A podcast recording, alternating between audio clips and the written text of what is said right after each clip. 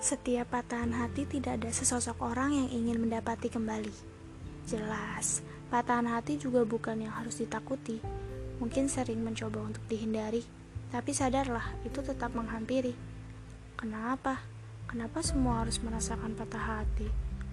Sadar nggak sadar, itu adalah kode bahwa kita tak akan menemukan kekecewaan jika harap dan sandarannya hanya untuk maha kuasa. Sadar, nggak sadar, itu adalah kode bahwa kita tak akan menemukan penyesalan jika harap dan sandarannya hanya untuk maha bijaksana. Jadi, coba deh pandang itu menjadi obat. Pandang patah hati menjadi obat yang mungkin menyehatkan di kemudian hari.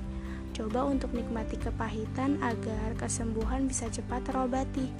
Dan jangan lari dengan tidak menerima, menerima obat yang diberi, lalu menyalahkan yang sepatutnya tidak disalahkan. Diam dan coba berpikir, sudahkah kau terlalu jauh dalam memberi harap pada manusia? Sudahkah kau terlalu jauh dalam menyandarkan pada manusia? Bukankah manusia berumur dosa? Bukankah manusia takkan ada yang sempurna? Lalu masih mau berharap dan bersandar pada manusia? Oke. Okay.